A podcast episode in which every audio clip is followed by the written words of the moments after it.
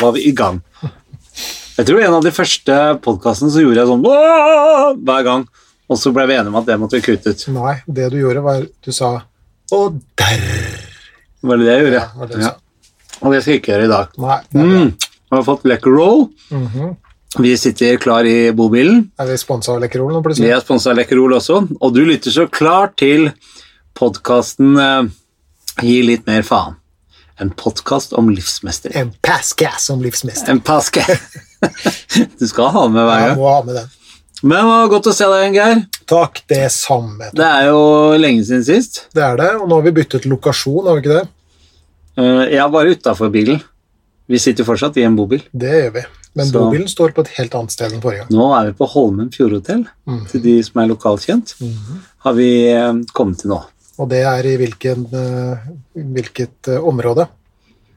Det er Asker-ish, er det ikke? Jo, det er det. Asker, eh, Nærsnes, Holmen, Slemstad. Mm. Det området. Sentrale Østland som vanlig. Viken. Viken, ja. Ja. Ja, selvfølgelig. Viken. Så du har reist ut fra Vestfold Telemark fylke og inn i Viken. Det har jeg. Eksotisk.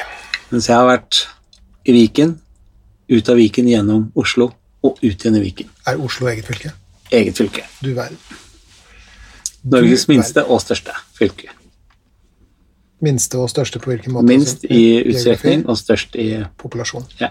Nå vel.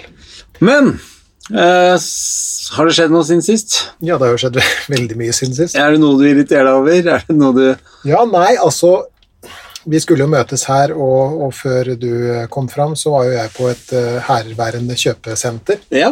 Skulle kjøpe en uh, flaske med leskedrikk og en eske med pastiller. Vi nevner ikke navn. Nei. Nei. Alle veit at du drikker Solo Super. Må du slutte, da. Ja, men alle vet jo det. Ja, ja, men drit i det. Og jeg er og folk vet jo det nå. Ja, ok, men uh, la oss ikke gi bort mer gratisreklame. Men i hvert fall. Så kom jeg inn på dette kjøpesenteret, og da fikk jeg noen antimoderne tanker, altså. Det skal sies. Gjorde du det? Nei, jeg må si det. Fordi at kjøpesenter er jo, det er, de er jo, det er jo glass og stål og betong, ikke sant? Så jeg går da inn der, og det første som møter meg, er en sånn metallisk sånn robotstemme da, over høyttaleranlegget som sier Husk å holde avstand til dine medmennesker. Vi skal stoppe dette viruset. Husk å sprite deg og vaske deg og sånt som er. Ja, ja, tenkte jeg, det er jo greit nok. Og så går jeg opp i en sånn trappeoppgang. Mhm. Og der er det jo i utgangspunktet vinduer, men hvis vinduene hadde vært gjennomsiktige, Ja. så hadde du sett rett ut på en trafikkmaskin av igjen betong og asfalt med biler som suste Ja, ja. forbi osv. Så, videre. så det de da hadde gjort, var at de hadde klistra opp eh, sånn film, vet du, sånn klistremerker, Ja, heldekkende klistremerker på vinduene, av løv. Så Koselig. Litt sånn høstfølelse. Ja, eller det vil si det var grønne løv, da. Men, Ja, eh, men okay. det var liksom for at du skulle få et sånn snev av natur. Og så går jeg da inn i, i eh, butikken, så handler jeg mat som jeg ikke har uh, verken jakta sjøl eller dyrka sjøl eller, eller høsta sjøl. Alt pakka inn i plast. Så går jeg til en kasse hvor det ikke sitter et menneske, hvor jeg må blippe selv. da, Og legge et kort inntil og blippe det også. Og så går jeg ned igjen da på disse i betongtrappene med dette løvet som lyser grønt mot meg. Så tenkte jeg enn hvis jeg hadde tidsreist, og så hadde jeg knabba med meg en eller annen fyr fra 50-tallet, og så hadde han fått lov til å gå med meg inn på den handleturen der. Han hadde jo dødd av skrekk. Ja, han hadde i hvert fall trodd at han var på månen eller noe sånt. Ja, vet du meg hva, altså. Så hva har vi gjort, sier jeg. Hva har vi gjort? Jeg tenker sånn, Det spiller ingen rolle hva vi har gjort, det er mer viktig hva gjør vi. Det var veldig filosofisk. Kunne fort ha blitt en kjøleskapsmagnet der. Nei, men jeg tenker sånn ah, Jeg har tenkt mye på dette her også. Jeg tenker mer og mer på det jo mer du og jeg jobber og snakker om det der antimoderne strabasiøse. Og faktisk så uh, har jeg gjort flere strabasiøse ting den siste uken. Uh, nå i helgen så var jeg på Lom. Mhm. Fantastisk fint sted, veldig langt å kjøre dit. Men da er du virkelig i hjertet av norsk fjell heim også. Ja, Hjerte. Hjerte, for da har du liksom Snur du deg dit, så er det Rondane der, så snur du deg til rundt, så er det Jotunheimen der. Mm. Og det er Nå skal du gå en tur på Galdhøpiggen, så går du den veien. Nå skal du en tur på Glitirin. Glityrteterin. så tar du kjører bil opp på Sogn, Sognefjellet. Vet du? Ja. Ja. Eh, og du, jeg følte liksom at uh, Det var helt naturlig å gå ut og spise middag i bunad og sånn. Det er et sånn type sted. Og det er såpass, Ja, ja. Uh, men min, min vakre, fantastiske, evige samboer Linda er jo som sagt før en fjellgeit. Så det går ikke an å være i Lom uten å fly på fjellet. Så vi skulle gå opp, og vi hadde med et vennepar også, og hun er om mulig enda dårligere i fjellet enn enn meg, altså dårligere trent. Mhm. Så vi var veldig tydelige på at vi skulle velge en enkel vei, da. Hansavegen, eller kulturstien, opp til noe som het, et vann som het Ausa. Mm. Og skulle gå videre derfra så opp til eh, en fjelltopp, og hvis det var fint vær, så kunne vi se Galdhøpiggen derfra. Det gjorde vi ikke, det var jo så klart ekstremt ikke bra vær. Eh, og hvis det er den letteste veien man kan gå på fjellet i Lom, da skal jeg legge meg hardtrening før sommeren igjen. For det Mm. var så strabasiøst. Det var så tungt at jeg kjente humøret mitt bare droppa helt ned. Men da, når jeg var på det sureste, når jeg var på det mest grineste, når jeg svetta som verst, og hata Linda som gikk foran fordi hun alltid går 50-60 meter foran, og så venter hun på meg, for hun er jo mye sprekere og mye mindre. Og akkurat når jeg kommer fram til der hun har stått og venta, da er hun ferdighvilt, så går hun videre. Og det er jo sånne små filleting som jeg kan ergre meg grønn over. Men da, i det, så henter jeg fram Ja, men det er jo det her du skal omfavne, Tommy. Det er å ha det litt knalltøft. Tenk deg hvor deilig det er når du kommer ned igjen. Det hadde det ikke vært hvis du ikke gjør det strabasiøse her. Mm. Så da redda det meg litt. Så bra. Ja. Så bra. En andre, Du sa at du hadde gjort flere strabasiøse ting. Har du er det noe annet du har Ja, jeg har vært flere ganger i skogen. Mhm. Senest i dag før jeg dro hit, så fulgte jeg min uh, sønn, som jo går på Oslo Met og utdanner seg til idrettslærer. Så han og to andre skulle ut og ligge i skauen uh, fra i dag til i morgen. Så da fulgte jeg han opp til uh, Lilloseter, som det heter. Ja, og vi syklet opp dit. Og så istedenfor å gjøre det enkelt å sykle veien tilbake etter at jeg har skilt fra det, så tenkte jeg nå skal jeg søren meg dra med meg sykkelen gjennom skauen uh, uten å kunne sykle på den. Du bar sykkelen? Mer eller mindre. Og jeg har jo forgudet dette elsykkelkjøpet før. Det er ikke en bra sykkel å bære og trille. Nei. Den, Den er er ekstremt tung. Riktig. Riktig. Så jeg føler virkelig at jeg har fått uh, i hvert fall kvota for en uke. Mm. Men det er ikke verre enn at når jeg kommer hjem nå etter at vi har laga podkast i dag, så skal jeg hive noen pølser opp i sekken, og så skal jeg sykle opp til der hvor de er i skauen. Og så har jeg lyst til å sette meg rundt bålet med de og grille. Jeg vet ikke om jeg får lov, men jeg skal sende melding til min sønn og spørre. i hvert fall. For jeg var skikkelig misunnelig når jeg dro derfra, og de Nei, her skal vi slå leir, og opp med hengekøyer og telt, og begynne å sanke ved til bål og spikke. Jeg syns det er så stas. hva, hva tror du at de gjør? Altså, det er jo unge, unge menn. Mm. Hva tror du de gjør når de kommer? Altså, tror du at de ligger på Twitter og Instagram og sånn, eller? Nei, vet du, jeg tror faktisk ikke det. Eh, noe er det sikkert. Mhm. Men jeg vet at de gutta her som de hadde med seg buesag og øks og kniver Og de er jo der for å rekognosere og finne på aktiviteter som de kan gjøre med elever når de er ferdig utdanna. Det er det som er liksom læringen i det. Så jeg vet at de bruker mye tid på å finne ut hvordan skal vi slå leir, hva skal vi tenke på, hvordan er det med sikkerhet, eh, måle opp, eh, la, hvor skal vi ha en leir, hvor kommer vind.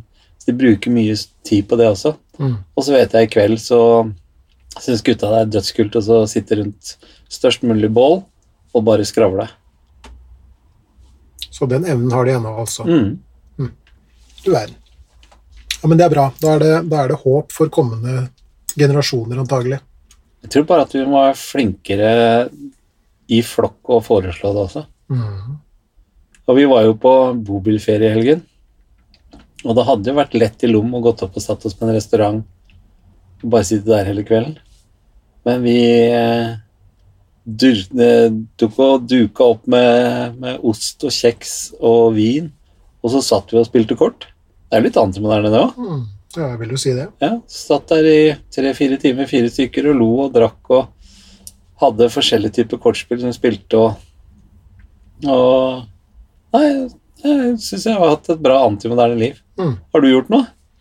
Ja, nei, altså Det har jo vært lite skogsting og sånn. Det er jo mye jobbgreier for tida, men, men jeg mener selv at jeg har gjort eh, Jeg mener selv at jeg har gjort noen antimoderne grep. Ja, få Ok, høre. så Nå kan du høre på deg. Ja. For eksempel ehm, eh, forrige helg Mm. eh, så var jeg mutters alene i huset. Mm. Jeg har jo store barn, og, og så har jeg en kone som da var på tur Mm. med venninner i Molde. Molde var det. Molde, vet du. Og kosa seg fælt, da. Eh, og da sto jeg oppe i et eh, tomt hus Mm. eh, og skulle spise frokost osv.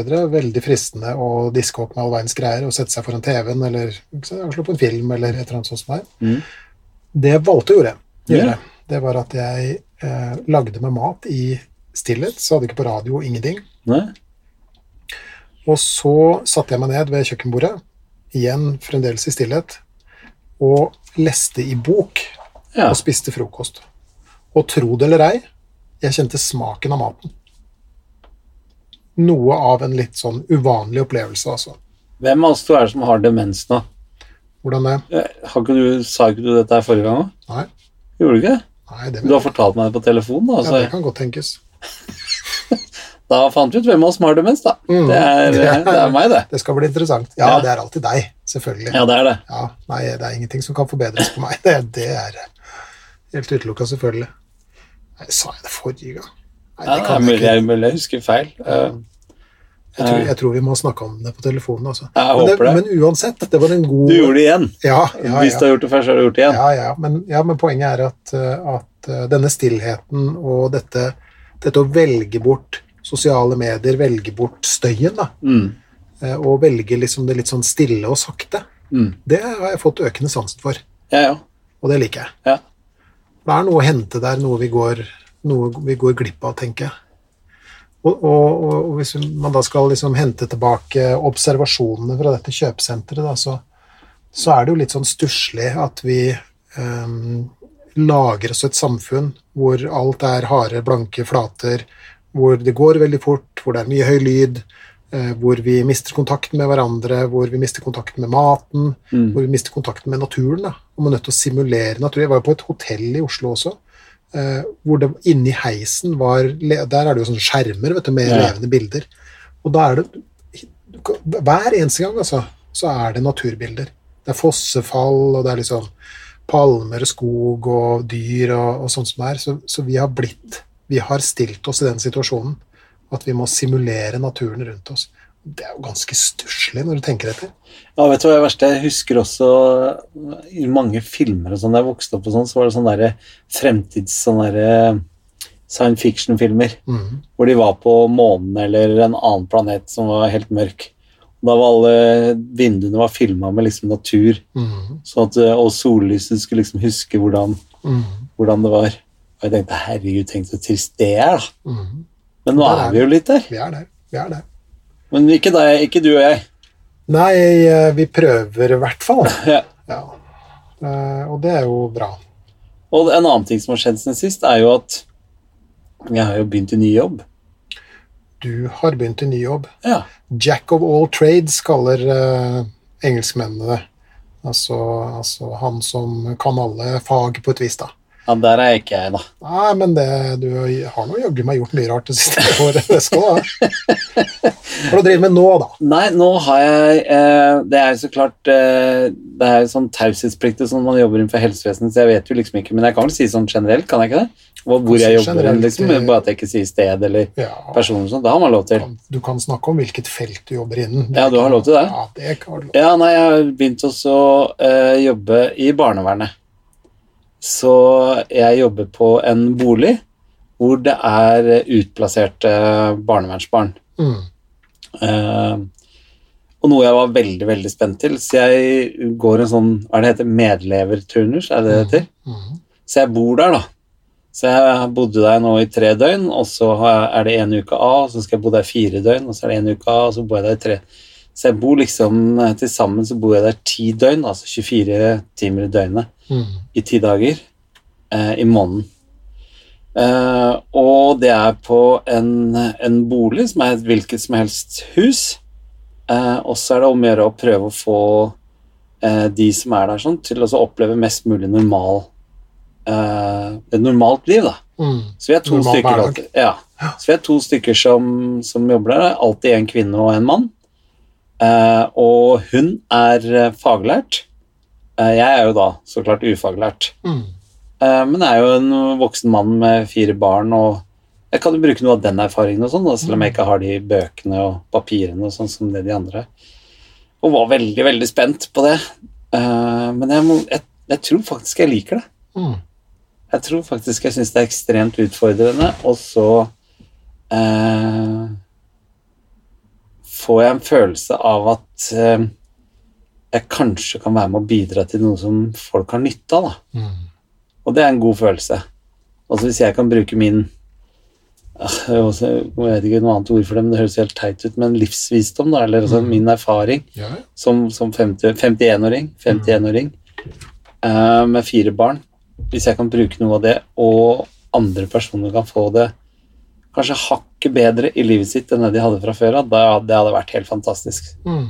Så det er vel egentlig det jeg streber etter. Men der også er det jo Der også er det jo, når vi snakker om det strabasiøse og sånne ting, det er jo et hus eh, som er et vanlig privathus, som er kjøpt av denne Og så kjøper barnevernstjenesten noen steder liksom, eller leier det. Eh, og i og med at dette her er en såkalt atferdsbolig, liksom, så blir det utsatt for ganske røffe påkjenninger, dette huset. Og eh, ikke alle som eh, jobber med det, er eh, like opptatt av, eller like flink til, eller like interessert i å drive med vedlikehold. Så jeg tok på meg den biten også når jeg var der, og det syns jeg var utrolig deilig. Så jeg har skrapt og mala og pussa og gnikka og reparert og følt meg egentlig litt sånn der vaktmester. Mm. Og det var en fantastisk god følelse, da. Istedenfor at jeg sitter bare og ser på TV med disse barna, så Eller barn, det er ungdom. De er fra 14 til 18 år. Uh, men veldig viktig å få bygd en relasjon til de, og veldig Nei, jeg følte veldig nytte av det. Mm. Så var det ved det å, å fikse rundt og både huset og sånn som var ålreit, da? Jeg vet ikke hva det er, Geir, men jeg har alltid vært sånn Jeg er ikke en type som klarer å sitte ned og så eh, Ikke for det, altså. Jeg kan, når jeg er sliten og kommer hjem, og, og Linda går opp og tar med oss uh, et glass brus, liksom, og når klokka er halv elleve-elleve, så syns jeg det er veldig deilig å sitte og glane på apparatet en time bare for å lande før vi går og legger oss. Mm. Så det er ikke sånn at jeg aldri gjør det. Men jeg er ikke typen som kan eh, sette meg der i to-tre-tida på dagen og så sitte og glane på TV i fire timer fordi det ikke er noe som gjør de, de barna som er der, er jo på skoler og på høstferier og er med på aktiviteter og sånne ting, så det er jo dødperioder. Mm. Uh, og da er ikke jeg typen som, som setter meg ned. Og da syns jeg det er veldig stas å kunne gjøre noe med kroppen, rent fysisk Mm. fiksa reparert litt. Det var en tralle der som mangla mutter, og hjulene var punga, fikk fiksa det opp, og fiksa noe verktøy, og eh, fikk skrapt og malt litt, og ja, litt sånn Og så ikke minst se hvordan det blir når du er ferdig, da. Ja, Hvis du skal se det litt i relasjon til det vi har snakka mye om, da. Mhm. En ting er jo det der å jobbe med kroppen og sånt noe, en annen ting er jo For å bli litt sånn dramatisk, da, så er det jo en måte å begynne å skape litt orden i, i litt sånn kaos. Mhm. Eh, Og det å skape eh, fine omgivelser rundt seg, eller i hvert fall så fine de kan bli, da. Mm. Det er også en del av det å få det litt sånn bedre Mm. eh, med seg sjøl og livet sitt. Mhm. Vår gode venn Jordan Peterson han snakker jo om akkurat det der. Han sier jo at du skal begynne med å re opp senga di. Mhm. eh, Og, og, og fikse, rydde rommet ditt, sier han til ungdommen. Og de gjør det jo. Mhm. Og, og poenget med det er at da tar du ansvar for noe, og så skaper du det vakrere rundt deg. da. Ja. Det er ikke kaos, for når du, når du da når du da, si, lever i omgivelser som kanskje ikke er så pene, så, så, så kan det være et slags sånn signal til deg selv om at du fortjener ikke bedre, på en måte. Nei. Og det å begynne å ta ansvar for noe, som nummer én, og to, rydde rundt deg og skape det vakrere rundt deg, Ja. det er ofte starten på en bevegelse mot noe som er bedre, da, tenker jeg. Så all Og det har jeg jo kjent på kroppen virkelig sjøl også. Ikke sant? Og jeg så forresten i går, jeg husker ikke, det var et eller annet TV-program, sikkert eh, jeg, jeg lurer på om Skal vi danse. jeg. Linda satt og så på Skal vi danse eller sånt noe i går. Så er hun Synnøve Skarbø, vet du, hun programlederen. eh, du vet ikke hvem det er. Jeg vet hvem det er. Hun er en kjent dame. Hun har skrevet en bok som heter Rydde og, og sånt noe. Og jeg lurer på hvorfor hun plutselig fikk så fiks, altså hvorfor hun ble så fiksa på det at hun skulle drive med rydding og lære folk å rydde og sånne ting. Men i går fikk jeg forklaringen, fordi hun ble mamma for åtte år siden og hadde gledet seg, var et veldig etterlengta barn. Men så ble hun slått i panna med en slegge fordi hun fikk en fødselsdepresjon. Og syntes ikke det var noe stas med barn.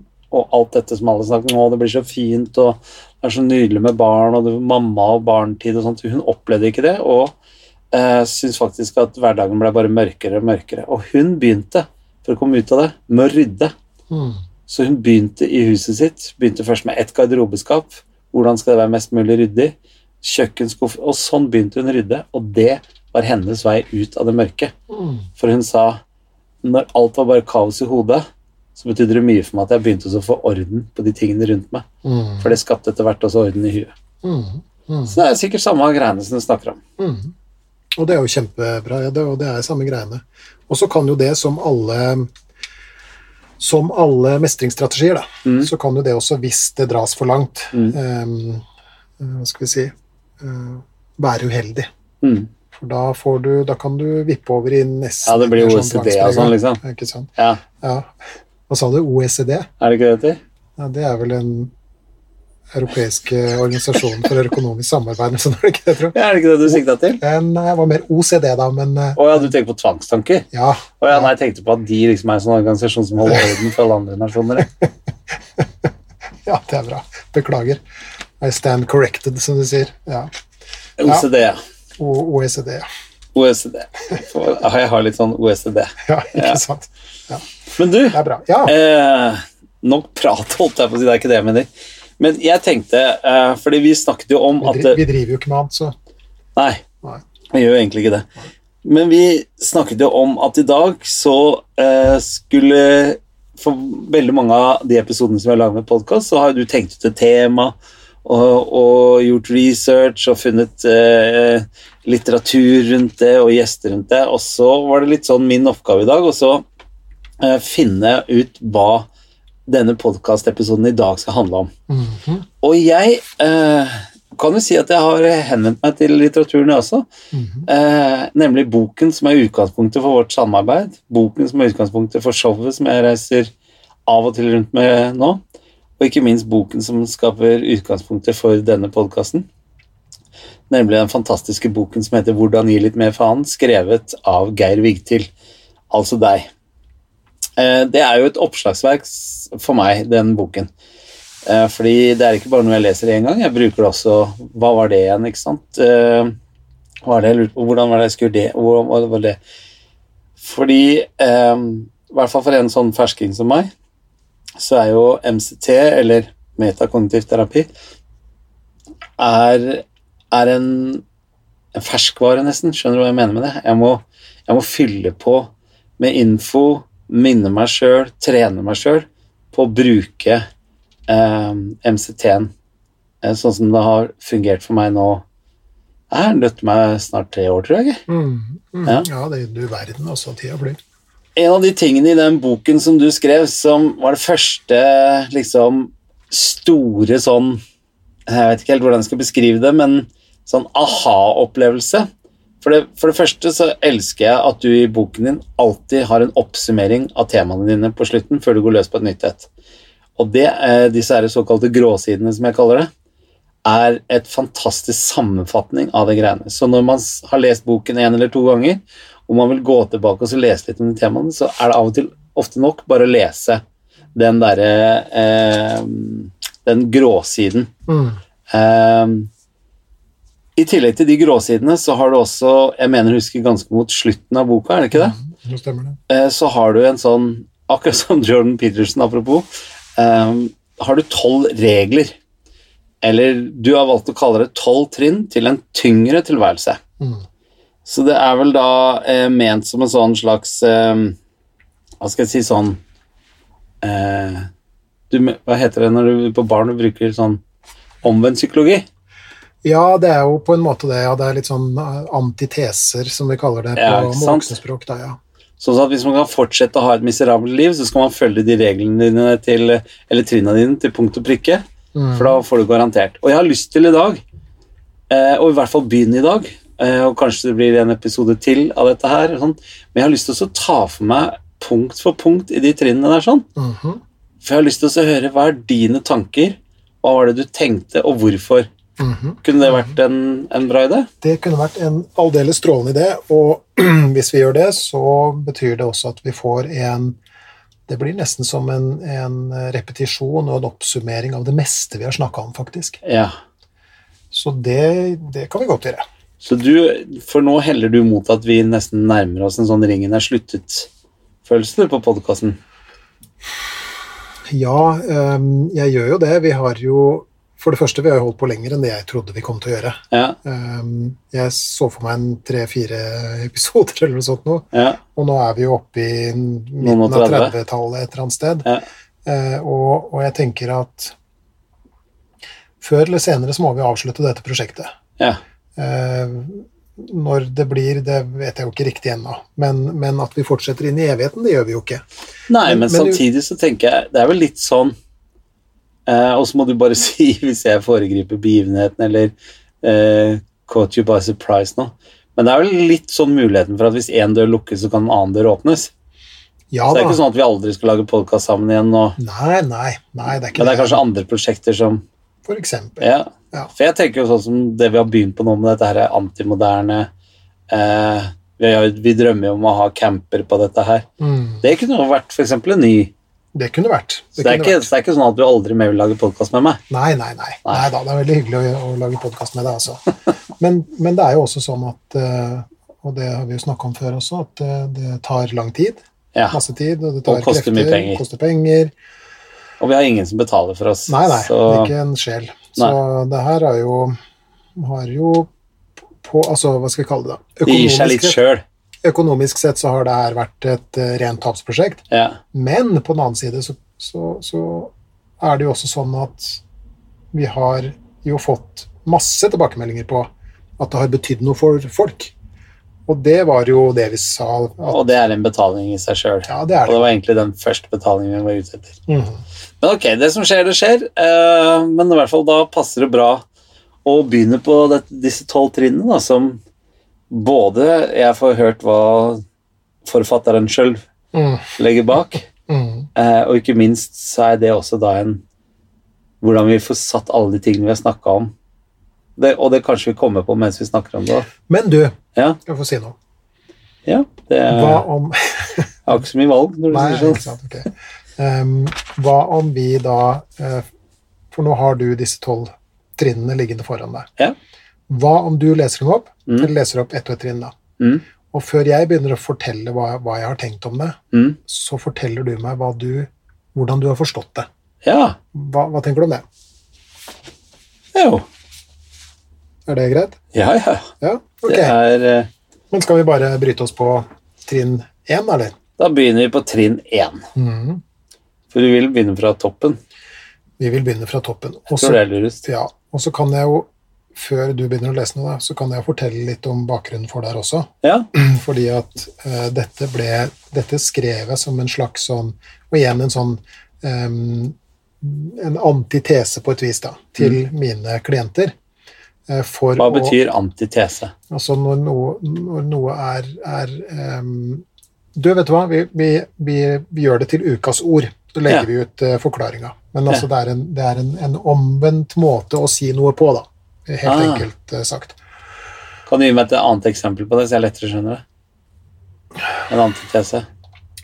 At noe er anti... Du kan tolke ting antitetisk, f.eks. Altså at du, du, du tolker det som det motsatte av det det egentlig gir uttrykk for, eller noe i den retninga der. Men vi skal finne, vi skal finne ordbokversjonen på det. Ja. Men i hvert fall hvis Jeg skrev jo da disse tolv trinnene til en tyngre, eller en trøblete tilværelse, som det heter i, i, i boka. da. Eh, og ja, det heter det i boka. ja, det gjør det, skjønner du. Ja. Det var i forbindelse med showet at vi tenkte at vi skulle kalle det en Det var det. Så, ja, Ja. så det er faktisk litt min idé, det. Det ja, det er faktisk litt din Ja. det. Det er det, altså. Yeah. Men, men Trøblete var det der, Ja, stemmer. trøblete, ja. Eh, og det var jo for å få litt bokstavrim og sånt. da. Ja, ja, ja. Trinn til en trøblete tilværelse. Men, og den her har blitt eh, ganske så populær faktisk, og henger på en del kjøleskap rundt omkring. og sånn. Og kanskje, Vet du hva vi gjør? Vi legger ut en PDF-versjon så folk kan skrive ut selv og henge på kjøleskapet. Det gjør vi. Ja, Det, det gjør vi. Det er en sånn ekstra service. Da må du bare gå inn på sida vår, og så kan du printe det ut. Ja. Ja. Um, Men hvorfor vil du lage deg de tolv trinna? jo, fordi at jeg ville det, er Mange av mine klienter spurte jo sånn ja, Har du noe litteratur? Ikke sant? Det var jo før jeg skrev boka. Så de tolv trinnene ble skrevet før boka ble skrevet. Oh, ja. Og, og det var en slags sånn påminnelse om um, hva du ikke skulle gjøre. Ja. Og dermed på en måte hva du da skulle gjøre. Ikke sant? Så da er det en antitese. Ja, Du er forteller meg hva jeg ikke skal gjøre, og da forteller du automatisk hva jeg skal gjøre. Altså. Mm, ikke sant? Ja, da skjønte jeg det òg. Du skjønte det. Og, og, um, men hvis jeg hadde gitt min klient La oss si deg, da. Hvis jeg hadde gitt deg disse trinnene her sånn til å begynne med, Mm. så hadde du antagelig blitt ganske fornærma. Ja. Men når du da får dem på slutten av eh, terapiforløpet, Mm. så skjønner, da kjenner du igjen deg selv og hva du driver med, og så er det skrekkelig mange som ler og slår seg på lårene og syns det er veldig gøy. ja. Og Det er derfor det havna på litt sånn kjøleskap rundt omkring, og enkelte garderobeskap på jobb har jeg fått høre at det henger, og så det, er- det er gøy. Det er kult. Så det var bakgrunnen. Men har du Og- funnet på det sjøl, eller er det kommet ut av noe? Nei, jeg har skrevet disse selv, men det er jo på bakgrunn av hva som er lurt og ikke lurt å gjøre i hverdagen. ikke sant? Ja. Ja men det var kult. Det var ikke grunn for det, altså. Og da begynner vi med en gang på nummer én, Geir. Mhm. Der står det Når du våkner opp om morgenen, så kjenn straks etter hvordan du innerst inne har det i dag. Overvåk eventuelle vonde følelser og tunge tanker nøye, og ta disse som et tegn på at du er svak og unormal. Det er trinn én. Det er trinn én. Hvordan forstår du det trinnet der? Jeg forstår det som uh, at um, dette her er stikk motsatt av det du mener at jeg bør gjøre. det har jeg klart å tenke ut sjøl.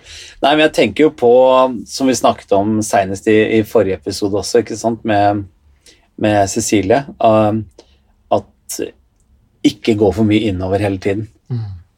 Um, for jeg hørte uh, for jeg, jeg så også et intervju, jeg husker jeg på TV en gang, med med Thomas Giertsen og, og han dr. Wilhelmsen og, og sånt noe. Så, og dr. Wilhelmsen sa ja, hvis du lytter etter på kroppen, så får du høre mye rart, Mm. sa han.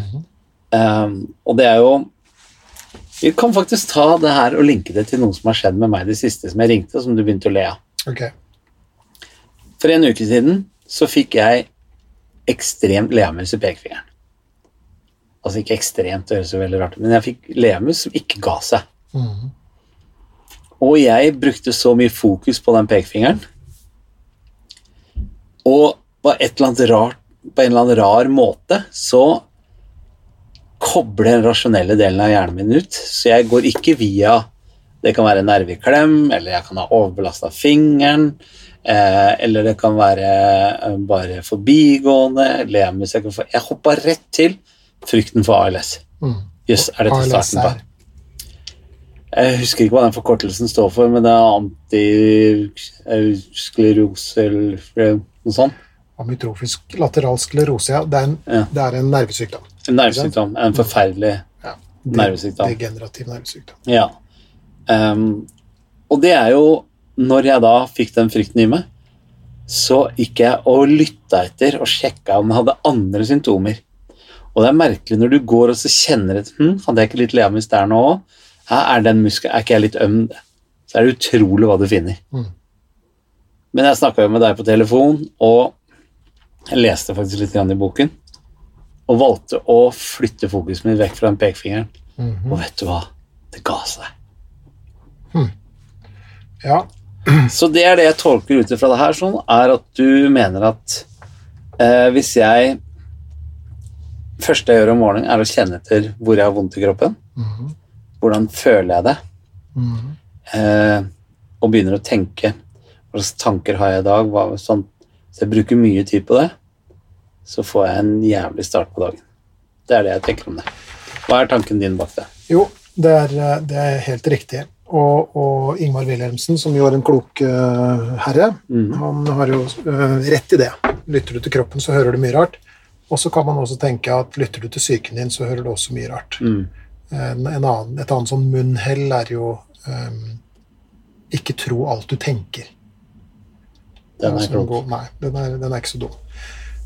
Mange som uh, plages med ting, enten det er fysisk eller psykisk eller begge deler, em, har dessverre pådratt seg den uvanen Nå snakker jeg ut fra klinisk erfaring, hadde jeg sagt, altså at, eh, sånn som mine klienter f.eks. kan fortelle. Da. Eh, da, da starter ofte dagen med et slags sånn, en slags sånn skanning av kropp og sinn. Eh, hvordan, La oss si f.eks. en person som har vært en del nedfor. Hvor, hvor nedfor er jeg i dag? Blir dette en bra eller en dårlig dag? Ikke sant? Eller en person med helseangst. Er disse smertene Er leamusen der eh, i dag? Er den verre? Har den blitt bedre? Eh, og så. Og det er jo det som eh, innenfor metakognitiv terapi kalles for trusselfokus. Og det du forteller om leamusen din, er jo en slags sånn eh, Hva skal vi kalle det? En, en, en somatisk eller en kroppslig eh, trusselfokusering. Hvor du skanner etter, eh, etter tegn på leamus, ikke sant?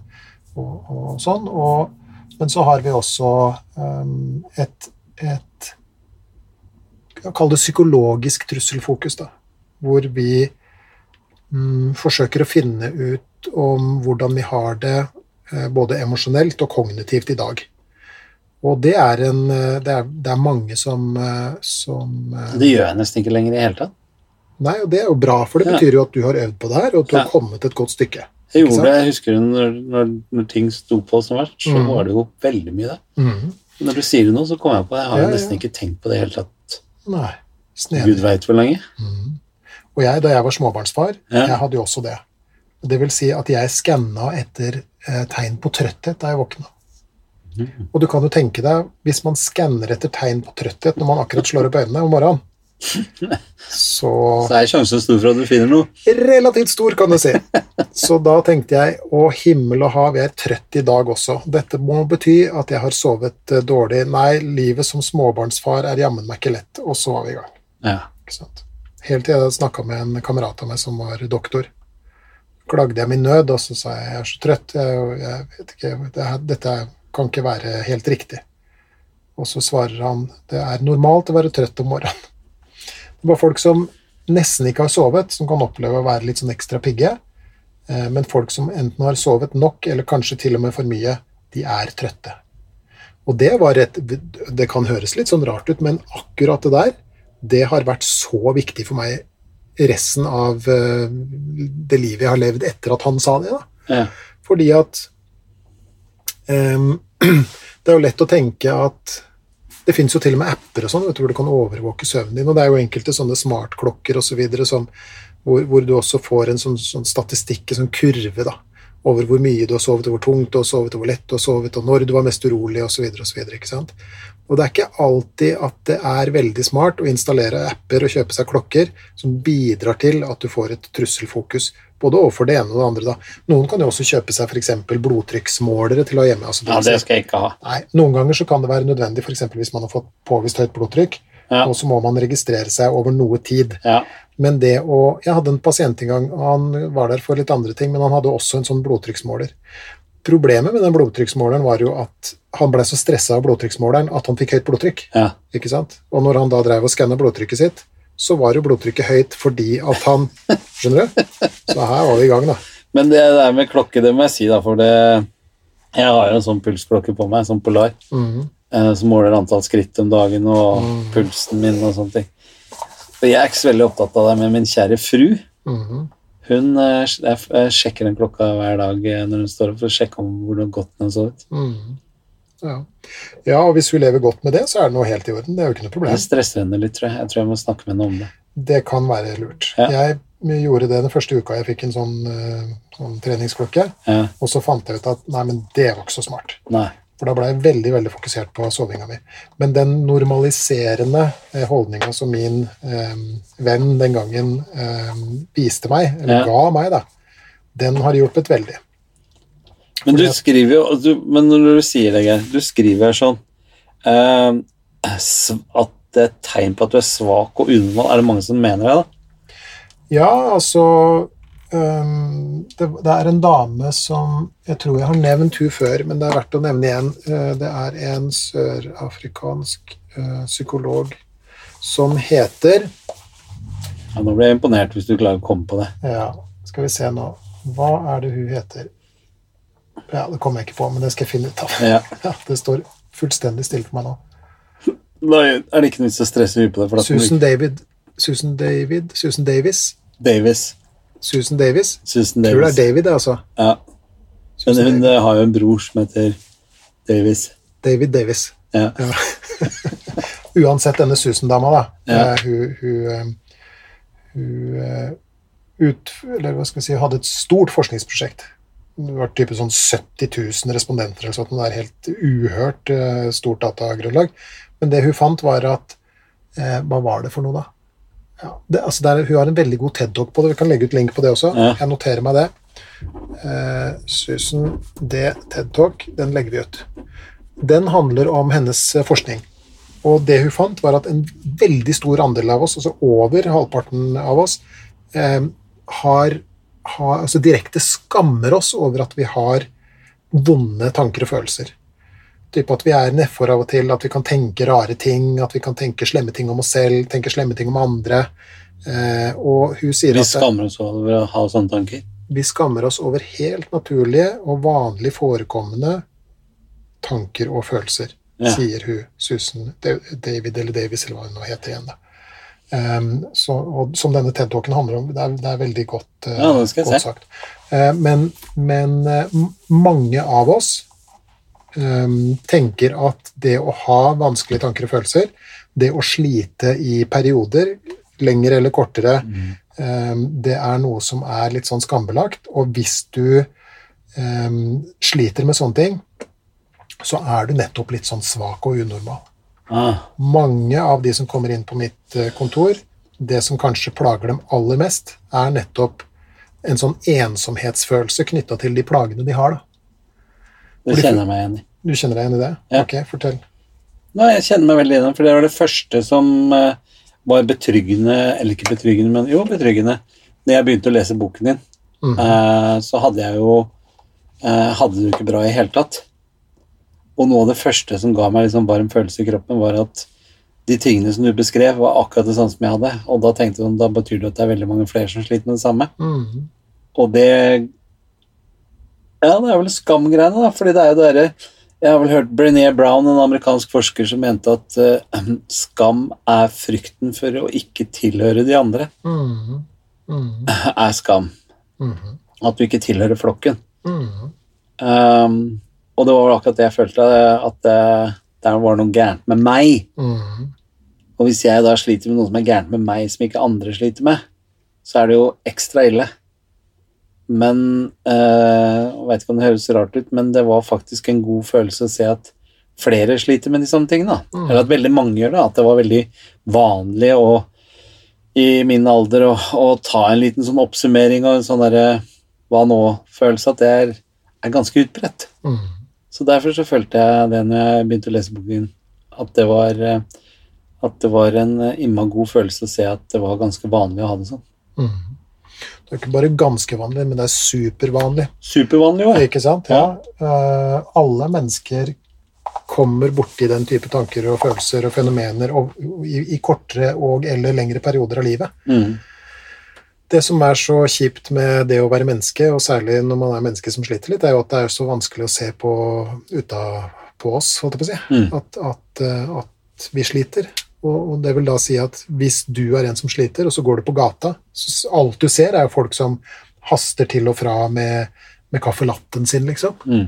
eh, Og skal et eller annet kult sted og har fullstendig koll på livet sitt og har supre ekteskap hvor sexlivet blomstrer og, og jobbene deres er superkule og de har masse venner og ja, men Skjønner du? Ikke Ja, men jeg bare kjenner meg så imma godt igjen, for det, her var, det var også det jeg gjorde i begynnelsen. her, Sånn. Jeg gikk jo og ønska at jeg var hvem som helst av de andre. Mm. Mm. Og da var det faktisk en uh, klok uh, kollega av meg som heter Freddy Kjensmo, det kan jeg faktisk si, for jeg syns det var veldig klokt. Han- når jeg fortalte ham at jeg skulle ønske se at hvorfor er det bare meg, og de ser jo så happy ut. Og så sa han noe av det første du skal lære deg, Tommy, er ikke å sammenligne ditt eget indre med andres ytre. Mm. For du har ikke peiling på hva som foregår bak pannelappen deres. Mm. Ja, og det er et godt um, Det er et godt råd. Ja. Fordi at én ting er jo altså, hvordan det ser ut, men en annen ting er så hvordan det føles inni. da. Og det er noe i alle familier, og det er noe hos alle, og det er normalt at livet er sånn. Mm. Det er jo det viktige der, eh, hvor du skriver at, eh, at du føler deg unormal. Mm. Så alle tenker og føler akkurat likt, men bare ikke på samme tid og tidsperiode i livet osv. Ja. Eller det vil si, noe er faktisk eh, universalt, f.eks. det med å slite som tenåring. Mm. Det er det veldig mange som eh, gjør. Mm. ikke sant? Plages med tanker og følelser i perioder da. Eh, og så er det jo også den perioden du og jeg er inne i, altså litt sånn lett middelalder, er jo litt som du sier. Ja, vi er det verste som er, vi nå. Ja, ja, Hvite menn som pusher 50. ja, ja, ja da. Vi skal, Så vi sliter i hvert fall. Ja, det gjør vi. Vi, skal, vi skal ikke gå dit, men, men vi er jo, det er jo populært å, å vi si, hetse oss for tida. Det gjør vi. Ja, ja, ok. Men, men det å altså Uansett hvilken hudfarge du har, hvilket kjønn du har, og sånt, men det å, å begynne å komme opp i den alderen her er jo, som du sier, det er ofte en anledning til å begynne å gjøre opp hørtes litt dramatisk ut, da, men begynne å gjøre opp boet litt. Grann, Ja. Gjøre opp status. Mm. Eh, lever jeg det livet jeg vil leve? Ja. Um, har jeg har jeg eh, skjøttet mine talenter, Ja. ikke sant? Eh, som jeg burde, da. Og det er jo ikke få som gjør en, en justering. Du gjorde jo det, Definitivt. ikke sant? Også Tommy 1-0 tok jo slutt når jeg var 46 år. Ja. Så jeg måtte bli 46 før jeg gikk løs på Tommy 2-0. Mm, mm, Og Tommy 2-0 er jo nå mye nærmere Hva skal jeg si Ikke noe mål, men altså Mye nærmere det jeg ønsker å være, da. mhm, Og de ønskene har vel egentlig eh, Og det var en eller annen Jeg husker ikke om jeg har sett et foredrag eller det samme av det, men noe av det vi mennesker sliter med, er jo Og det her har jo du og jeg diskutert, om man Ganske tidlig i livet så setter man seg jo mål og verdier og hvordan man ønsker seg å være som person, og hva man ønsker å jobbe med, og hvilken utdanning og mange barn man skal ha, og man skal gifte seg, man skal ikke bli skilt som foreldrene. liksom Man setter opp masse sånne som blir en sånn eh, Her er mitt eh, mitt eh, drømme-jeg, da. ideal. Ja, ideal på sånn jeg ønsker å være. Og mens her er sånn jeg er, og jo større det gapet mellom de to er, desto eh, mer uro følte i hvert fall jeg. da, Så jeg føler at eh, både jeg har lært av deg, nedjustere målene litt, grann, og samtidig oppgradere eh, Eller jobbe opp og endre den jeg var, for å komme nærmere mitt eget ideal. Da. Det er ingen andre sitt ideal, det er kun mitt eget ideal. Eh, justert litt på målene der sånn, og det gapet mellom de to føler jeg er mye mindre nå enn Tommy 1-0 var. Mm, mm. Men du, det er jo mange som er, Nei, nei, vi er ikke, nei, nei, vi er ikke ferdige ennå. du er ikke ferdig ennå? Nei, nei, for det Nei, er for jeg skal jeg spørre om én ting på det punktet, men greit. Ja, ok, men la oss ta, bare bare ta det her først. For Ja. at det du sier, er at, at um, man setter seg mål og sånt noe, men poenget er jo at du nådde jo på mange vis målene dine. Mm, Ikke sant? For at etter hva jeg forstår på det, nå må du korrigere meg da, Mm. hvis jeg har, har forstått deg feil, men jeg, du har jo fortalt mange ganger at mange av de målene som du hadde satt deg, var jo knytta nettopp til, om vi kan kalle det den Skal vi kalle det? Kaller det litt sånn materielle mål, da. ja, det, ikke det var materielle Ja. mål. Ikke sant? Det var fin hytte, fin bil, bra karriere, Mm. være kjent osv. Men, men så virker det jo som eh, Og nå er jeg diplomatisk, da. Ja. Du har jo justert kraftig på det. Ja. Eh, og, og, og det er jo litt sånn snedig å høre deg snakke også, fordi at de verdiene du nå snakker om, Mm. er jo nettopp så veldig sånne her indre verdier. da. Mm, Um, og, og dette med idealet um, som man setter opp. En ting er jo at du i veldig stor grad nå har forkasta de mer sånn materielle idealene, og du har satt Mm. opp et mer sånn det, i, fare for å være litt svulstig, da. Litt sånn uh, åndelig ideal, på en måte. Mm. ikke sant? Eh, det som er fint med idealer, det er jo at du kan strekke deg etter dem. mm, De er, de er mm, mål mål som man ønsker en gang å komme fram til. og sånt. Men Mm. det er jo en, en skyggeside ved idealer også, og det er at idealer dømmer deg. mm, ikke sant? De, de er en slags sånn eh, Det er en slags pekefinger også i idealer. Da. Du er ikke sånn. Mm. Og, så det er jo noe man må huske på når man setter seg opp idealer, at man også må eh, si, legge inn en liten sånn sikkerhetsmekanisme i form av at eh, det er ikke sikkert at jeg trenger å nå dette idealet 100% Hvis jeg ikke når dette idealet, la oss si hvis jeg når det 50% så er det greit. Altså? Så at man ikke dømmer seg selv til nederlag gjennom å sette opp idealet. Det var det jeg gjerne ville si. Ja. Jeg tror det er et veldig viktig poeng å, å ta med seg. Fordi sånn som det har vært nå, så er det jo ja, Ingebrigt Jensen, disse her han sett deg hårete mål, og jeg som har jobbet i både salgsrettet uh, yrkesliv og ikke minst artistliv, som også er jo salg på, på et høyt nivå.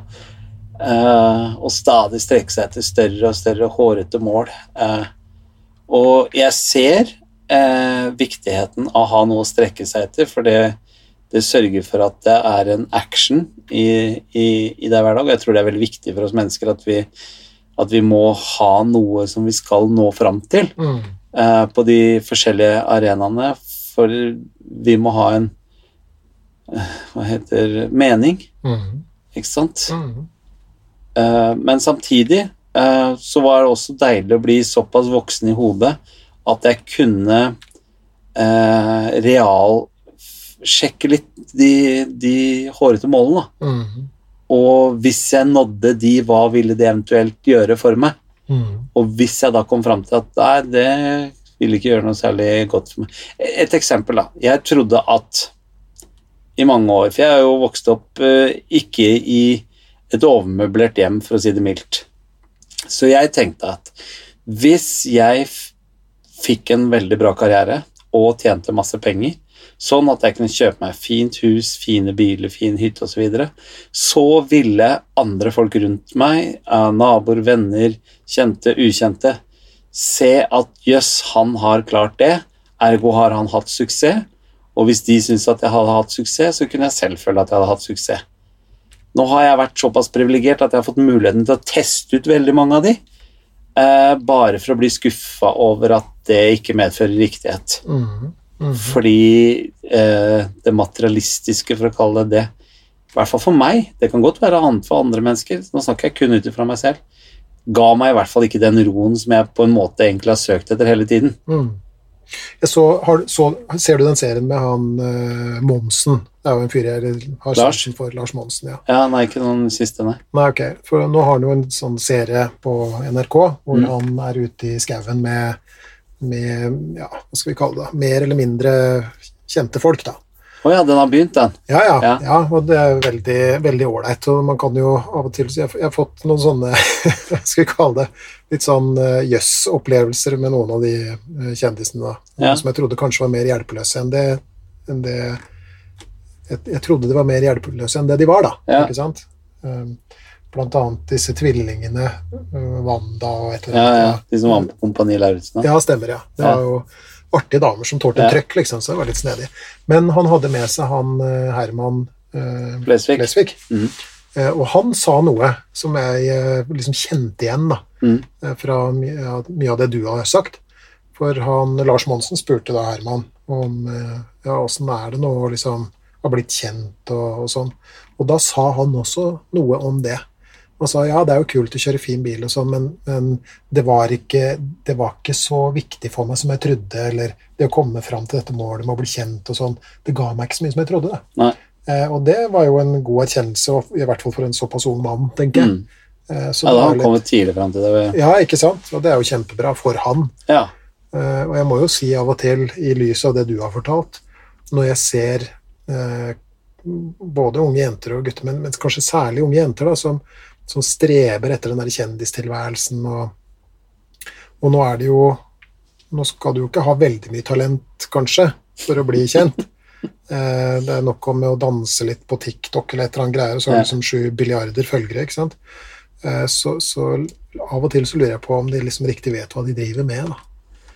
Det gjør de helt sikkert ikke. Men, men Men de må bare finne ut av det selv. Ja, ja, ja, ja, de, ja, de må jo det, dessverre. Alle liv må, må leves Noen er sikkert veldig tilfreds med det også. Ja, det kan godt tenkes. Ja. Men jeg greier ikke helt å se ja, Jeg har bare ikke snakket, møtt noen enda. Nei, nei, det er noe der. Ja. Ja. Men i hvert fall, Ok, så Spørsmål. spørsmål til deg. Mm. Det lurer jeg veldig på.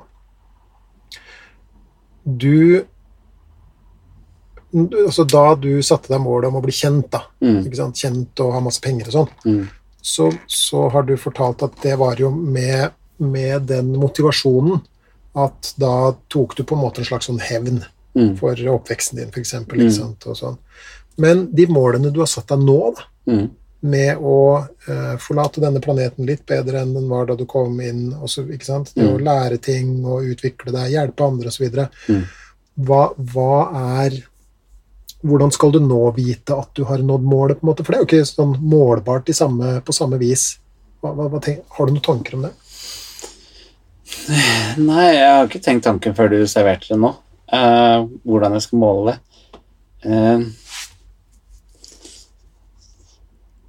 Én ting er litt rann, uh, jeg kjenner på, eller litt styrt av tilbakemeldinger. Mhm. Eh, sånn som de nærmeste eh, rundt meg, som er viktigst for meg, som mine fire barn og Linda. Eh, når de Nå sier æ, æ. eh, det har jeg hørt på når jeg hører på podcasten, sier det altfor mye. Du må slutte med den brekingen. Jeg har jo snakket med deg selv. ja, men eh, man søker etter perfeksjonisme på noen områder. Jo, jo. I hvert fall så har jeg jo spurt de hva føler de nå? Er det gått liksom ett år, to år, tre år? Eh, er det noe som de føler Og når mine nærmeste Senest nå i sommer så hadde jeg en fantastisk deilig prat med min eldste, vakre sønn Sondre. Eh, og han kunne bekrefte at han syntes f.eks. at jeg var roligere. Eh, at jeg eh, At det var lettere for han å henvende seg til meg. At jeg ikke var så dømmende. At eh, han syntes det var enda bedre å ha alenetid med meg nå enn før. Alle har bekreftet at det har ikke vært noe håpløs. Jeg, det virker som de fire har vært veldig fornøyd med meg som far. Men eh, at jeg er enda bedre far nå. Og Linda som kan bekrefte at hun stoler mer på meg enn noen gang før. Hun eh, er roligere med meg enn noen gang før. Det er egentlig svar nok for meg, da. Mm. Så når jeg da f.eks. nå begynte den nye jobben i barnevernet, og får tilbakemeldinger fra personer som nesten ikke kjenner meg, som bekrefter noen av de verdiene og målene som jeg ønsker å ha, så er det svar nok for meg. Mm. Og deg. Ja, ja. Du har kjent meg ikke så lenge, tre år, mm. men du har også sett en utvikling på de tre årene. Mm. Og du er flink til å fortelle meg det. Mm. Og da er det mer enn eh, målbart nok for meg. Min, eh, min datter, Mm. som jeg har også altså Det er selvfølgelig mye snipa som snakker, da, som de Ja. sier. Men, eh, men det er jo en dame som jeg har veldig sansen for. Ja. Og som eh, så, og én ting er jo at det er mitt kjøtt og blod, det er jo én ting. Ja. Eh, Så det er derfor jeg sier mye snipa. Men en annen ting er at jeg eh, har veldig sansen for tankegangen hennes og, og observasjonene hennes. Er smart dame. Eh, Smart dame, det, det skal ha. Og jeg liker, ha. liker godt å, å, å prate med hun. Og, og hun er jo Hun hører på denne podkasten. Mm. Pussig nok, da. Ikke sant? Man kan jo tenke at, eh, at eh, Hva skal vi kalle det? Eh, Døtre i begynnelsen av 20-åra kanskje av skyr, ja, ja, skyr det. Men, men hører på det, og, det, det, syns det er hyggelig, og sånn sier jeg da. Men, men en av henne, hennes observasjoner Ja.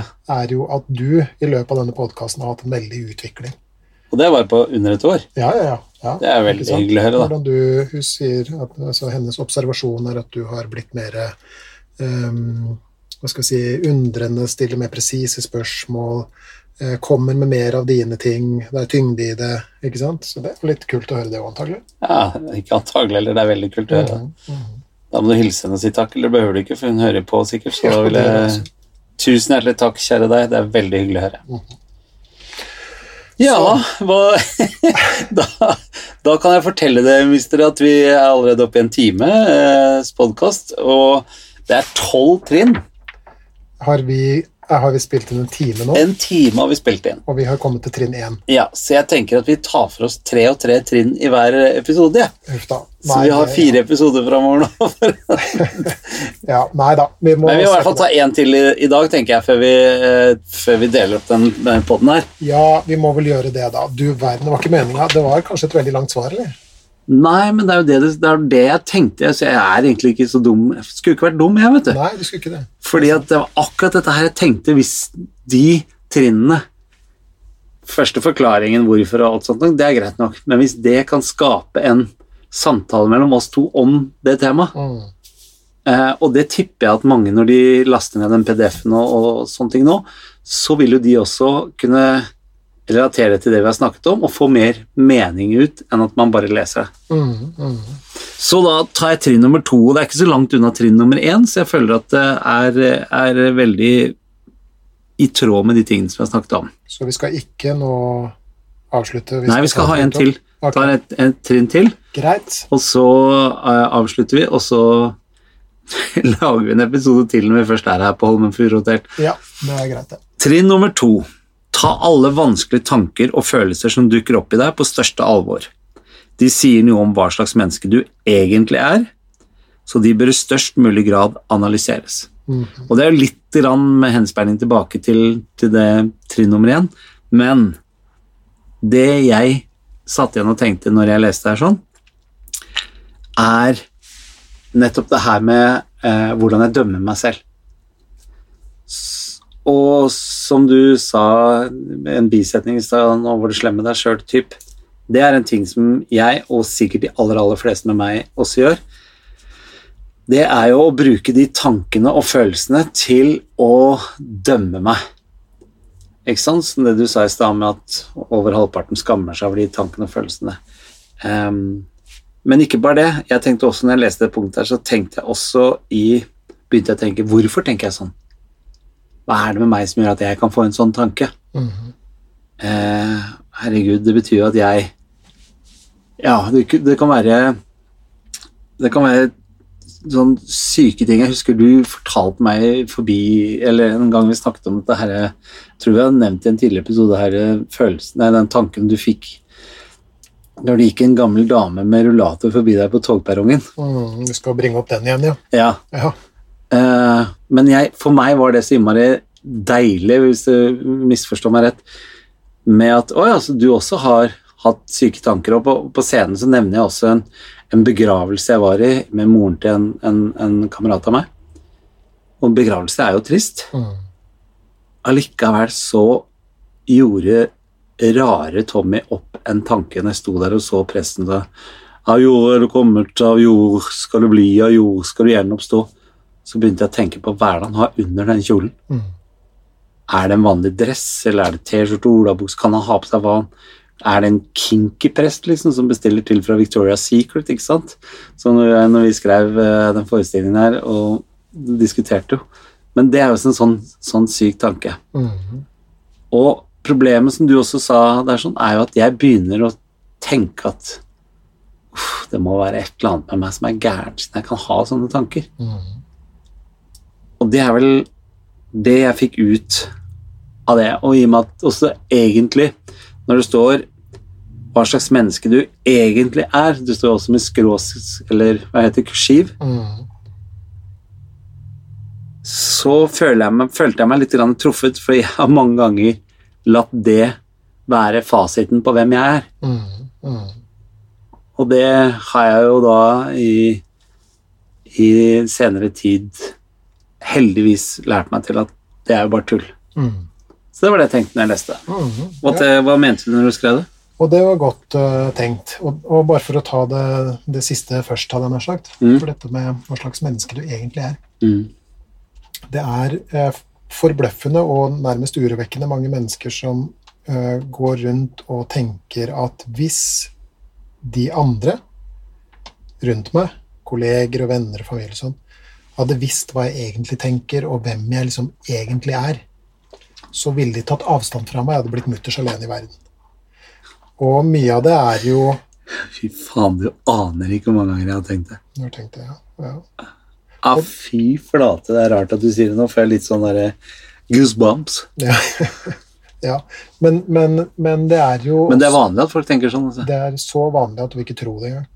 Um, og, og Så du har tenkt det, du òg? jeg har også tenkt det, ja.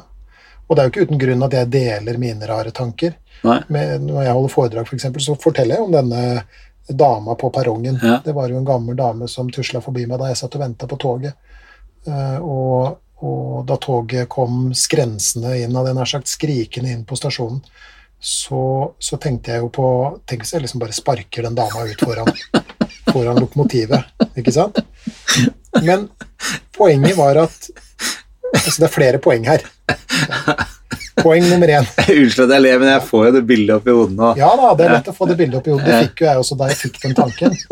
Eh, og det er kanskje hovedpoenget Og reaksjonene til de rundt, og Ja, hylet hennes Hyl hadde skrik baller på seg. Ja, ja da. Ja. Alle bort fra spor én, så ambulanse Ja, ikke sant. Ja, du kan tenke deg. Det hadde vært, eh, det hadde vært eh, dårlig business både for meg og den dama der, da. Men eh, eh, poeng nummer én her Mm. Er jo at uh, jeg gjorde det ikke. Nei.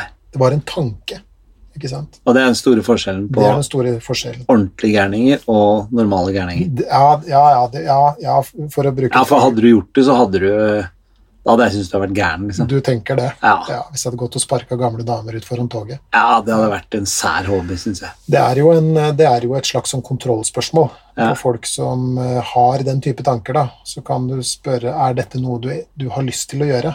Og da får du i 99,999 av tilfellene så får du svaret nei, er du gæren, det kunne jeg jo aldri ha gjort. Nei. Ikke sant? Og da har vi en, et godt, eh, det er et godt indisium på at dette er en, en, eh, en påtrengende tanke. da. Ja. Og påtrengende tanker, rare tanker, det har vi alle sammen. Ja. Eh, fordi at tanker kommer og går, og vi kan ikke styre hva som dukker opp i, i hodet vårt. Eh, tanker om å gjøre sosialt eh, uakseptable ting, det å drite seg ut mer eller mindre med vilje, det å svinge bilen inn i motgående trafikk, det å, å klappe til en intetanende fremmed unge på 17. mai. Altså, masse sånne rare tanker har vi. Ja. En av, en, av, eh, en kategori um, folk som kan, fort kan plages av den type tanker, er f.eks. av nybakte foreldre. ja. Eh, Det er ikke få um, nybakte, særlig mødre, da, som begynner å gjemme kniver og sånn, i redsel for å liksom skade barnet sitt. Mm. Og det vil da si at man tror at det er en sammenheng mellom handling og tanke. Mm. Og det er det jo ikke. ikke sant? Det går fint an å tenke ting uten å handle på det. Eh, Jeg husker jo da jeg var eh, sånn Apropos datter, da. Hun var jo nyfødt eh, på et tidspunkt som de fleste barn er. Og Ja, mange er det. Mm. Og, eh, og jeg husker at jeg bada hun for første gang. Eh, Og du vet, du, du bader jo barn, ikke sant, og det er i 10 cm vann. Og du kjenner med albuen at det er liksom kroppstemperatur, og du går gjennom Hele hvile og vann, hadde jeg nær sagt, Ja. for å sørge for at dette barnet har det bra. da. Så, og så har du da barnehodet hvilende i håndflaten din, og så har du den andre hånden som skvulper vann litt sånn for, sakte, forsiktig over. Så se for deg den bade, Ja, ja. badescenen. Og så tenkte jeg tenk hvis jeg bare hadde fjerna den ene hånda og så brukt den andre til å liksom blupp, ta under vann med. Du hadde jo ikke kunnet hindre noe som helst. ikke sant? Hun er jo nyfødt. Og, og, men allerede da så hadde ikke jeg et sånn skrekkslagent forhold til tankene mine, så jeg tenkte jøss, det var en veldig rar tanke. Og så tok jeg opp og putta inn i en håndduk, og så, og så bare Eller håndkle, som det heter her nede på Østlandet. Ja. Håndkle heter det her, ja. Mm. Det er veldig sånn store for meg, det. Ja. Håndduk. Håndduk. Håndduk er Trøndelag. Ja. Mm. Pakka inn en, en håndduk og ga til mor, så hun fikk kveldsmaten sin og sånt. da. Men, men ehm, Så, så det, er, det er tanker som kan dukke opp i oss, og som kan skremme vettet av oss, ikke sant. Men, men det er en annen kategori tanker her også, på en måte, og det er det at det som menes med trinn to er da, ta alle vanskelige tanker og følelser som dukker opp i det på største alvor. ikke sant? En, vi kan gå ut ifra at liksom, de tankene og følelsene er på en måte sanne. De kommer med en slags sånn sannhet. Ja. Hvis jeg tenker at jeg er et elendig menneske, at jeg ikke er bra nok, at ingen liker meg, at verden er skremmende, at jeg kan komme til å få kreft osv., så, videre, så blir det en sånn sannhet av noe jeg er veldig redd for skal være sant. ikke Ja. sant? Og så um, har jeg da dessverre en, en tendens til, som menneske, å begynne å surre og, og tenke og skure rundt på, på disse tankene, ikke sant? Ja. Og det er det som da eh, menes med dette eh, punktet. Det er det at eh, Altså hvis du skal tolke det antitetisk igjen, da. Mm. Nei, det er ikke så lurt å ta alle vanskelige tanker og følelser som dukker opp i deg, på største alvor. Det meste av det er Støy. tankeskrot Ja. som flyter forbi bevisstheten din. ikke sant? Mens det vi mennesker, og særlig når vi er på et uh, dårlig sted, har en tendens til, er at vi plukker opp dette skrotet og begynner å endevende det og, og bruke veldig masse eh, eh, tid på det. Det vil da si at vi definerer disse tankene og følelsene som veldig viktige for oss. Mm. At vi kan, hvis vi holder på med dem lenge nok, så kan vi komme fram til store sannheter om oss selv og om livet. Og, og hvis jeg kommer til bunns i ting, får tenkt nok på det her, så vil alt løse seg ved et Herrens mirakel, og så vil jeg føle meg bedre. Ja. Og det er jo selve den troen som driver eh, hva skal vi kalle det, litt sånn depressiv grubling. da. Mm. Så jeg tenker nok på det her, så, så kommer jeg til bunns, og da vil jeg finne sannheten om barndommen min, og da er det ikke mer å tenke på, så da kan jeg legge det fra meg. Hvilket ikke er tilfellet. Hvilket ikke er tilfellet, fordi at eh, de fleste som har erfaring med den type tenking, har også erfaring med at man vender tilbake til det samme temaet igjen og igjen og igjen. Og det er det samme om det gjelder grubletanker eller bekymringstanker. Det var det som er fantastisk med hjernen. vet du. Det du trener opp hjernen til, blir den jævlig god på etter hvert. Mhm. Så vær litt forsiktig med hva du trener på. Men uh, før vi runder av denne episoden her Hvis det dukker opp masse rare, syke tanker, og vi har jo Jeg eh, tror ikke vi skal stemple dem som syke, for det er det ikke. Nei, men Ikke vi mener Ja, ja, ja. ah, det ja, var. Nå fikk jeg en syk tanke. Mm. Ikke sant? Det er jo, vi er jo flinke til å fargelegge de sjøl. Mm. For det er vel eh, Hva er det tallene sier? For det her har jo forskere klart å funnet ut. Det er et sted mellom 7 og 70 000 mm. automatiske tanker et vanlig menneske får i løpet av en dag. Så, og det er jo hele grunnkjernen til MST, eller metakognitiv terapi, er jo Det er ikke mulig å la være å tenke, Mhm. men du kan kontrollere hvor mye oppmerksomhet du ønsker å gi dem. Mhm. Og det er jo det du mener her, sånn med å ikke kanskje alltid ta det på største alvor. Mm. Og det går det heldigvis an å bli bevisst på, og det går også an å øve på det. Så hva skal folk gjøre når de får alle disse tankene? Det kommer litt an på, skjønner du. Fordi Ja. at hvis man er på Men sånn generelt tenker jeg så, fordi ja, ja, altså det man øver på innenfor Jeg tenker at det er eh, Unnskyld at jeg avbryter da, men Mm. eh, bare, for jeg tenker noe av det du sa i stad, var den derre lakmustesten du tar på det. Mm. Ja, har du lyst til å gjøre det? Mm. Er Ja, det er jo mer litt sånn tvangstanker, på en måte, men, Ja. men, eh, men en annen lakmustest man kan foreta, ja, det er jo um, Har jeg tenkt på dette spørsmålet eller denne, dette temaet før? Eh, hvis ja, kom jeg fram til noe svar forrige gang? nei. Hvis eh, nei, da kan jeg øve på å, å la dette ligge i større grad. Det som, er, det som er noe av problemet da, når man er fanga, eller opplever seg fanga i denne type tenking, og, og ofte når man opplever, opplever seg selv som fanga i en type tenking eller en type følelser, da, disse to tingene henger jo sammen, og Mm. følelser, det er at man, nettopp som du sa i stad, har øvd på noe i så stor grad at man har blitt så flink til det Mm. at det oppleves som om det har blitt automatisert. Mm. ikke sant? Og en av de første tingene vi må gjøre i metakognitiv terapi, f.eks., det er jo å vise den som plages med det her, at nei, dette er faktisk ikke ukontrollerbart. Dette er et valg du tar hver eneste gang. Mm. Men du har vært så flink til å ta det valget at det, nå oppleves det som om det er eh, automatisert på et vis. da. Mm. Så det, vi må da først angripe det, det som klienten opplever som ikke påvirkbart. Ikke sant? Og det vil si, da er vi tilbake til det du eh, akkurat sa. Og det er, en, det er en sånn stor sannhet om tenking som veldig få mennesker vet, egentlig. Det er det at tanker er ikke upåvirkbare. Det vil si, det finnes en kategori tanker, eller hva skal vi kalle det? Det finnes en egenskap ved tenking som er upåvirkbart, og så finnes det en egenskap tenking som er fullt ut påvirkbart. Ok, så det u Men jeg syns påvirkbart synes det er et komplisert ord. Har det noe annet? Kontrollere, er det det du mener? ja, men kontrollere kan gi litt feil inntrykk. For Ja, skal kontrollere tankene dine, men du kan, du kan forholde Styre, deg til da. Ja, heller ikke det. Jeg Nei. vil insistere på å kalle det uh, Som du selv kan påvirke. som du selv kan påvirke. Ok, Ja. Så hva er det ved tenking du selv kan påvirke? Ja, Eller hva, hva er det ved tenking du selv ikke kan påvirke, for å starte med det, da? ja, Det er det faktum at tanker oppstår i hodet ditt. ja. Fordi at tanker kommer og går. Tanker oppstår helt ut av det blå. De rareste ting. Alt fra å sparke gamle tammer ut foran toget til å tenke at Tenk hvis jeg hadde revet av meg klærne foran sjefen og eh, Ikke sant? Altså, vi, vi kan få tanker om de, de merkeligste tingene, men det kan vi ikke påvirke. Ikke sant? Fordi, At de, kan, at de tankene oppstår, det kan vi ikke påvirke. Nei. Men hva vi velger å gjøre med tankene når de har oppstått, det vil da si hvordan vi velger å forholde oss til dem, og hvor mye tid vi velger å bruke på dem, det er to andre ting.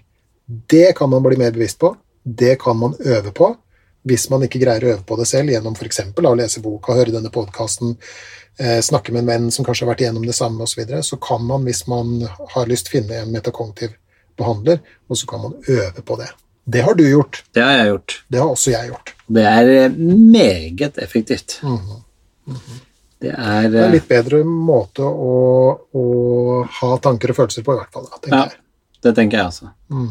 Du, det får bli eh, Det er allerede en veldig lang episode, så vi må runde var av og så veldig godt som tema du kom på. Ja, det jo skulle ikke, vært, eh, skulle ikke vært så begrenset. Nei. Nei.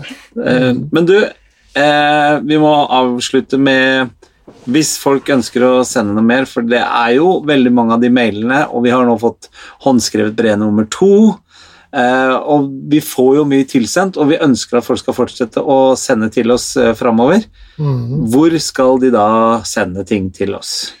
Da må de vel nesten Ja, og igjen, da, det er jo litt synd at vi som er, vil gjerne vil være antimoderne osv., må ty til elektronisk post. Jeg skulle gjerne fått alle brevene i postkassa, jeg, men, Ja. men eh, sånn er det nå, da. Da Sorry. eh, datt brusen til Det datt brusen. Ja. Eh, Nei, eh, da må man vel sende en eh, e-post til gi litt mer f at gmail.com. Gi litt mer f i ett ord. Krullesnurr. Gmail.com. Kum. Cam. Krullesnurr. Krøllesnurr. Har du ikke hatt den før? Nei, den Nei, jeg er har aldri hørt den før heller, så det er jo Disney. ja. Gled deg til neste episode. Ja, det gjør jeg. Men du, da eh, avslutter vi den her, så fortsetter vi med de andre trinnene i neste episode. Det gjør vi. Det gjør vi. Takk for i dag. Takk det samme, du.